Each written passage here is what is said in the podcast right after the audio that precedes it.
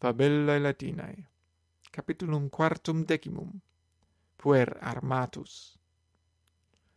Avunculus marci qui nomen est Aemilius, in Germania militat.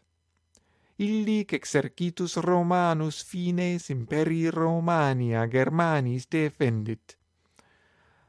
castra exercitus mille passus a flumine Reno sunt in magna silva, ubi oste se occultant milites Romani impetum Germanorum expectant, nec hostes barbaros timent. Romani enim bona arma habent, atque circum castra fossa et vallum altum est. Germani castra Romana expugnare non possunt.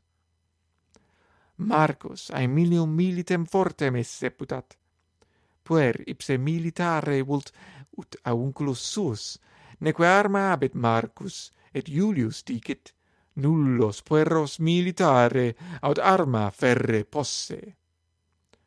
Quid igitur facit Marcus? Argum facit ex ramo et linea, et ia sagitas facit ex ramis tenuibus. Dum Marcus argum facit, Julia in orto ludit cum cane sua Margarita. Sub arbore puella ramum reperit, Julia cani ramum ostendit. Ecce ramus, Margarita, quae reum? Ramumque procula cane acit. Canis ramum quaerit, reperit, ad Juliam portat. Canis ramum ante pedes Juliae ponit, et caudam moet. Marcus fratrem sum vocat atque arcum sum novum ostendit.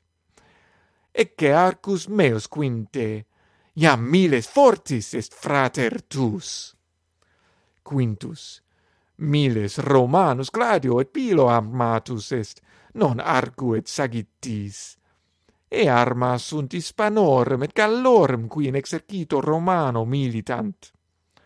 Marcus, sed exercituim nec esse est arcus et sagitas sabere, nequenem pila gravia proculiaci possunt sagittae procul volant, quia leve sunt.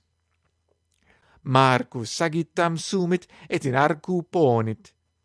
Ecce sagitta ex arcu iacitur, et in orto prope Iulia ad terram cadit. Iulia per territa sagittam prope caput sum volare sentit. Sagitta aurem eus tangit. Syra quae cum Iulia in ortos sagittam prope Iulia volare videt acquirata ad Marcum currit. Marcus, qui suram accurrere videt, arcum ad terram jacet acque hugit. Syra arcum Marci manu capit, eunque procul exhorto jacit. Marcus tristis arcum sum volare aspicit. Canis quoque arcum volare vidit, canis, etia illum ramen quaeret ac reperit, neque eoan marcum portat.